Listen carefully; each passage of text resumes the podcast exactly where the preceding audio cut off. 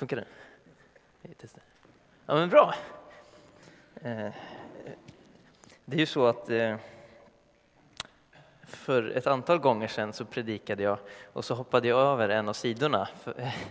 Och eh, det var ju inte jättesynkat kanske då, men Magnus lyckades fixa det bra. Men jag tänker nu kommer jag märka om jag är fel.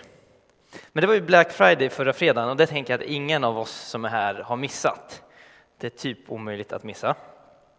Det är en dag med bra erbjudanden från i princip alla affärer och reorna kan sträcka sig så högt som till 90 procent i vissa eh, ställen. Liksom. Det är helt absurt. Och det är inte konstigt att många väljer att handla just den här dagen och många väljer att julhandla också. Eh, varannan svensk deltar i Black Friday och ungefär 70 procent deltar i åldern 18 till 22. Försäljningen ökar med hela 530 procent. Det är mycket. Eh, och numera handlar det inte ens bara om en dag, Black Friday, utan det är Black Week eller Black Weekend, alltså hela helgen eller hela veckan till och med. För shopparen så är det lite som en vecka i paradiset. Kan man komma närmare paradiset än det här? Och samtidigt, mitt i denna vecka av överkonsumtion, så inser fler och fler det här ironiska, eller kanske till och med dubbelmoraliska med allt det här. Fler och fler oroar sig för Moder Jord. Och samtidigt så väljer man att shoppa som aldrig förr. Och det vi främst shoppar är ett, kläder och två, elektronik. Det är två av de allra värsta miljöbovarna. Visste du att för att ta fram ett kilo bomullstyg så går det åt 10 000 liter vatten? Jeans går åt väldigt mycket mer för. Men eh, om man kollar här, det här är en tank med 10 000 liter vatten. Sådana här kör man runt med i länder där det är vattenbrist. Och 86 kilo avfall. Så mycket avfall kommer från tillverkning av en mobiltelefon. Det är en liten mobil alltså. Och det här är bara hur, man, hur det påverkar miljön. Jag tänker att en ännu viktigare fråga är hur påverkar det människor? En fråga som vi alldeles för sällan diskuterar och i medierna står det nästan bara om klimatet, sällan om de människor som det faktiskt drabbar. Visste du till exempel att bomullen som eh, går åt för det här, alltså där man tillverkar bomullen, vattnet som går åt, 10 000 liter vatten per kilo bomullstyg, det går åt i länder som det ser ut så här, där det är vattenbrist. Man väljer de ställena där man knappt har vatten för att dricka eller duscha i. Eller att metallerna i elektroniken ofta kommer från konfliktområden. Eller att den elektronik som vi slänger hanteras av såväl vuxna som barn som andas in giftiga gaser hela dagarna och saknar sjukvård och andra sociala skyddsnät. Och värst av allt så är de inte ens medvetna om att de andas in de här gifterna.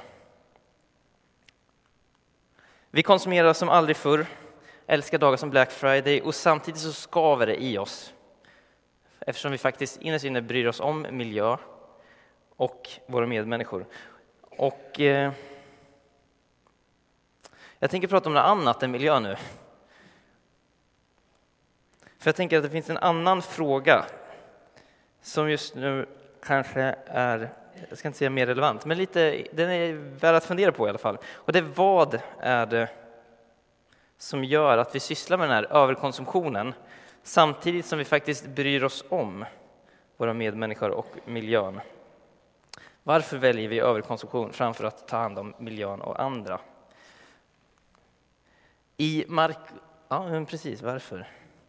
I Markus 4.19 berättar Jesus en liknelse om hur människor tar emot Guds ord och förklarar senare att, till lärjungarna att världsliga bekymmer, rikedomens lockelser och alla möjliga begär tränger in och kväver ordet så att det inte ger någon skörd. Så varför väljer vi att överkonsumera och orsaka lidande för miljö och medmänniskor trots att vi egentligen bryr oss? Jag tänker det här, det här är svaret. För att världsliga bekymmer, rikedomens lockelser och alla möjliga begär kväver Guds ord. Och när Guds ord blir kvävt så blir också Guds vilja kvävt. För Guds ord är Guds vilja och Guds vilja är genomgod. Och världsliga bekymmer, rikelsen, rikedomens lockelser och begär kväver alltså det goda i oss. Och det får oss, som Paulus uttryckte för väldigt länge sedan, att göra det vi inte vill göra, men vi gör inte det vi faktiskt vill göra. Eller eh, som han uttryckte sig mer bokstavligt, det goda som jag vill, det gör jag inte, men det onda som jag inte vill, det gör jag.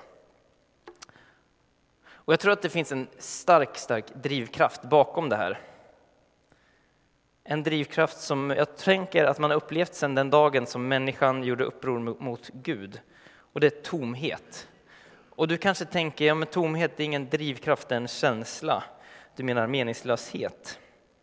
Och jag tänker det här tomrummet inom oss, inte meningslöshet. Jag tänker att man kan känna meningslöshet, men man kan också känna mening och ändå känna ett tomrum. De två sakerna är inte samma sak. Och den tomheten verkar driva väldigt många människor. Och det här är ett svart hål. Jag vet inte om ni är jättepålästa om det här. Men jag är inte heller det, så jag tror att jag kan eh, prata så att vi förstår. Men om man pratar svart hål i fysiken alltså, per definition är det tomt. Det består av antimateria, alltså motsatsen till materia, motsatsen till existens. Det består av ingenting. Och samtidigt är det här tomrummet i rymden så pass starkt att det slukar allt som kommer i dess närhet. Det suger in allt. Och hur mycket den suger in så är det ändå tomt efteråt. Det fortsätter vara tomt. Det här är något som har förbryllat forskare i väldigt många år och man vet fortfarande liksom inte vad det här är. Vad är antimateria? Vad är ett svart hål? Man funderar mycket på det. Och jag tänker att som världen ser ut så verkar det som att väldigt många människor har som ett svart hål inom sig. Och jag tror det är värt att reflektera över det. Tänk hur många människor som längtar efter något att fylla det här svarta hålet med, tomrummet med. Tänk vilket missionsfält det är där ute.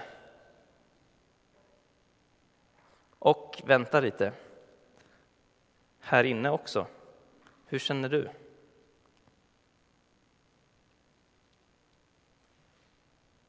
Känner du likadant? Har du ett tomrum i dig? Hur hanterar man det i så fall?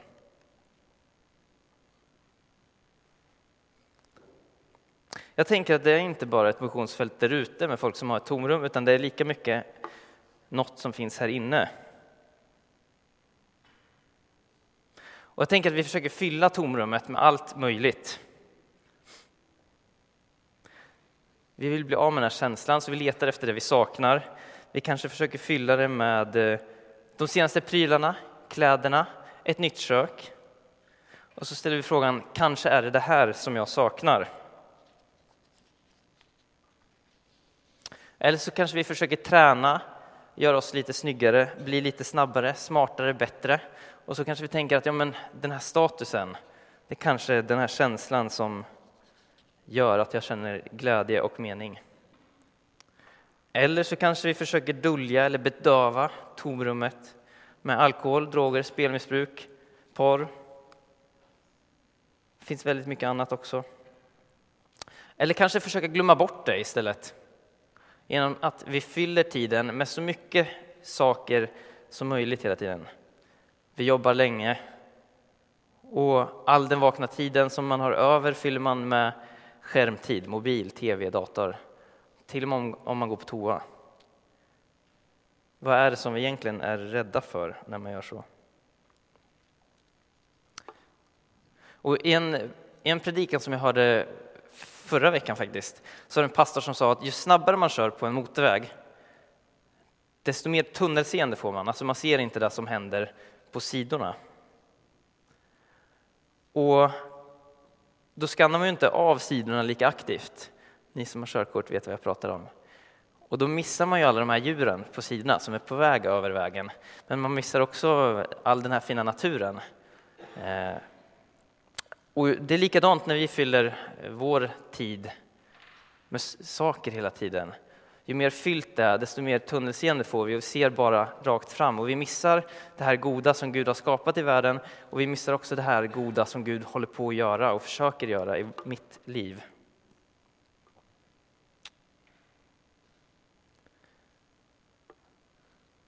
Och istället för att se det Gud gör så försöker vi fylla tomheten med saker som egentligen bara är tomhet och vi kommer ingenstans. Och det är inget nytt. I Andra Kungaboken kapitel 17, vers 15 så kan vi läsa om vad israeliterna, alltså Guds folk, gjorde under kung Hoseas tid. Kungaboken är fylld med berättelser om olika kungar, ofta väldigt korta stycken. Och om kung Hoseas tid så står det om israeliterna att de förkastade Guds lagar, förbundet han hade slutit med deras fäder och de varningar han hade gett dem. De följde det som var tomhet och blev själva idel tomhet. De gjorde som folken omkring dem fast Herren hade befallt dem att inte göra som dem.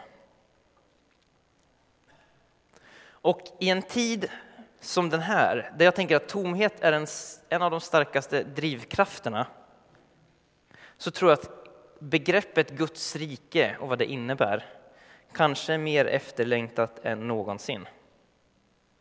När misstro går som en våg genom landet och när kapitalismen och konsumismen som vi tryggt har vilat oss mot håller på att förstöra planeten och drabbar våra medmänniskor, vad kan vi då vända oss mot? Partipolitiken verkar vi inte tro på längre. Den gör inte oss lugn, den ger inte oss ett framtidshopp.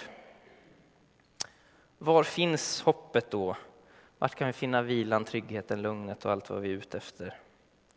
Och det här är lite tråkigt att säga i en kyrka, för jag tror ni vet alla vad jag ska säga. Liksom. Det är tråkigt. Ja, men Jesus han är svaret, Jesus är alltid svaret till allt och så vidare. Eh, Ja, det är lite det jag säger också. Men lite tråkigt, men, men, men det är så det är. Eh, och samtidigt så vill jag ändå säga det. För trots att vi alla som sitter här, tänker jag, om man tror i alla fall, vet att Gud, i Gud, i Jesus, där finns allt det här. Där finns hopp, glädje, vila. Trots det så är vi ändå jättemånga här inne, inklusive mig, som försöker fylla tomrummet med annat. Och därför väljer jag att säga det ändå, fast lite tråkigt, för jag tror vi behöver höra det. För i teorin vet vi att Gud är den som har allt det här, men i praktiken så visar vi i våra liv att det inte är Gud, utan att det är allt det andra. Därför är det viktigt att se det, att i Gud så kan tomrummet bli fyllt. Och endast i Gud. Eh, jag har citerat det här förut, så om du är uppmärksam så kanske du känner igen det.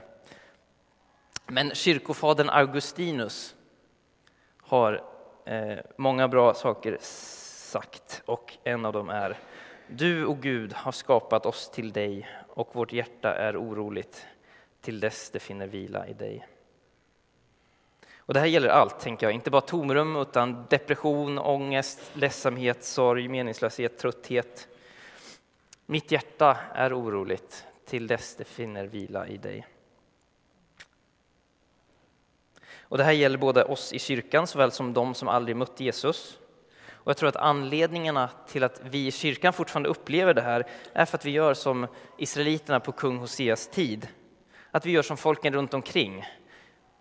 Vi söker inte det Gud har för oss, utan vi försöker lösa tomrumsproblemet som alla andra istället, fast vi tror att vi vet vart vi kan vända oss. I en tid som detta så tror jag att glädjebudskapet är starkare än på länge. Johannes döparen gick runt och förkunnade tiden inne, Guds rike är nära, omvänd er och tro på budskapet. Och det här är ett glatt budskap. Det finns hopp och det är nära. Men vad menade Johannes? Det är ju Arnlunds här har redan predikat lite, men kort och gott. Eh, de som hörde Johannes budskap tänker att snart kommer landet Israel upprättas. Romarna som har ockuperat landet, de kommer köras iväg. Jesus kommer bli kung, han kommer upprätta en nation där Guds vilja sker, där Gud får styra landet. Men Guds rike verkade rikta sig till hela världen. Det handlade inte bara om en nation utan om hela skapelsen. Och efter att Johannes har förkunnat det här med att Guds rike är nära så dyker Jesus upp och där och då verkar Guds rike bli verklighet. Det verkar bli vad som sker. Sjuka blir friska, blinda får sin syn tillbaka, döva hör och samhällets minsta får upprättelse. Och så dör Jesus. Och så 2000 år senare så sitter vi här och världen är inte så mycket bättre idag. Det känns i alla fall inte så. Och för den saken så brukar teologer använda ett begrepp redan nu men ännu inte och jag tror många av er har hört det. Alltså Guds rike bröt ut med Jesus, det har påbörjats. Där Jesus gick, där skedde Guds vilja och där bröt Guds rike ut. Och Guds rike var verkligen det här att Guds vilja präglar allt. Och Guds ande gavs till oss som tror på Jesus och vill följa honom. Och det verkar som att den heliga Andes närvaro gör att vi ständigt är nära Gud och hjälper oss att göra Guds vilja också. Och därför så har vi också möjligheten att vara med och upprätta Guds rike här på jorden. Vi blir nästan som ambassadörer för Guds rike. Och samtidigt så verkar det tydligt att Guds rike kommer inte ske fullt ut här på jorden. Utan det kommer först bli verklighet när Jesus kommer tillbaka.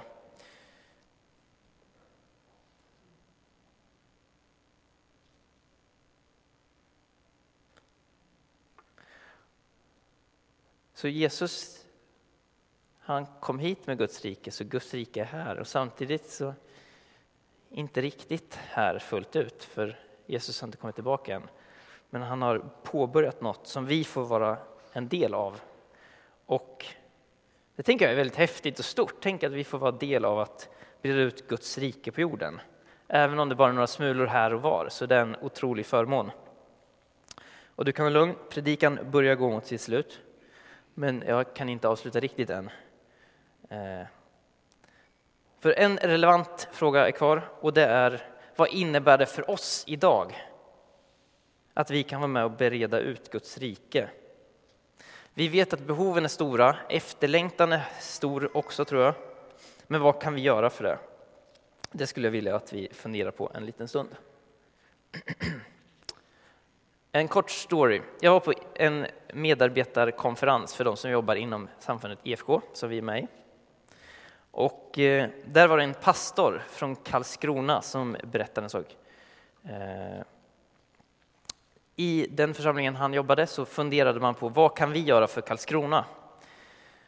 Och de tänkte ett tag och sen till slut så frågade de en av de stökigaste skolorna om de fick bjuda på pannkakor och göra läxor med deras elever.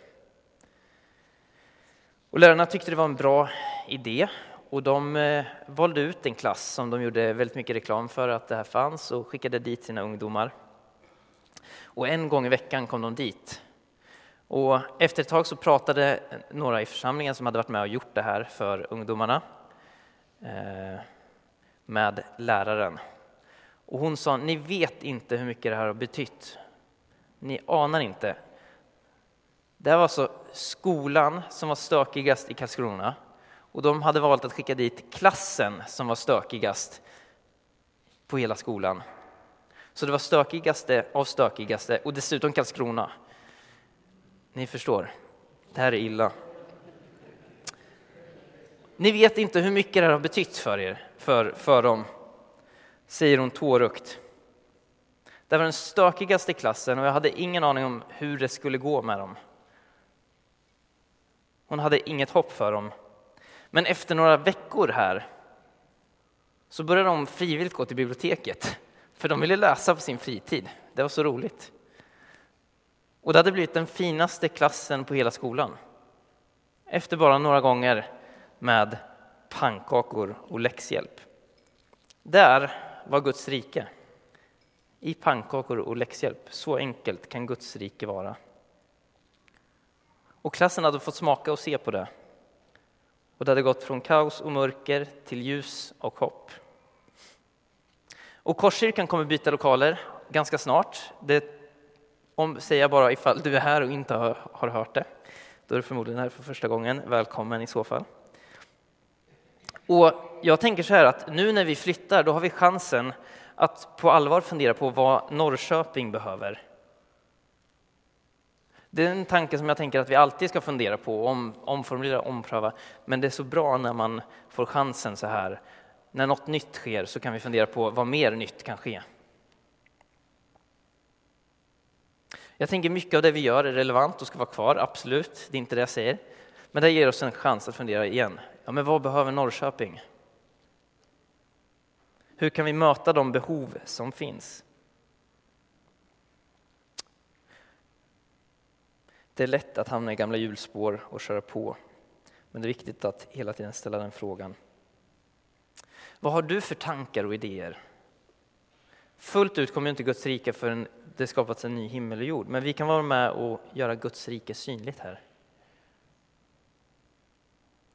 För Guds rike är nära. Det är så nära att vi ibland får vara med och smaka och se det.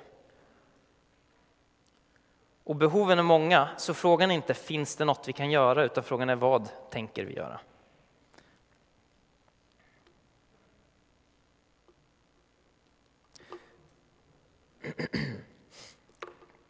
Vad tror du att Gud vill göra i Norrköping? Finns det något du längtar efter eller något du brinner för?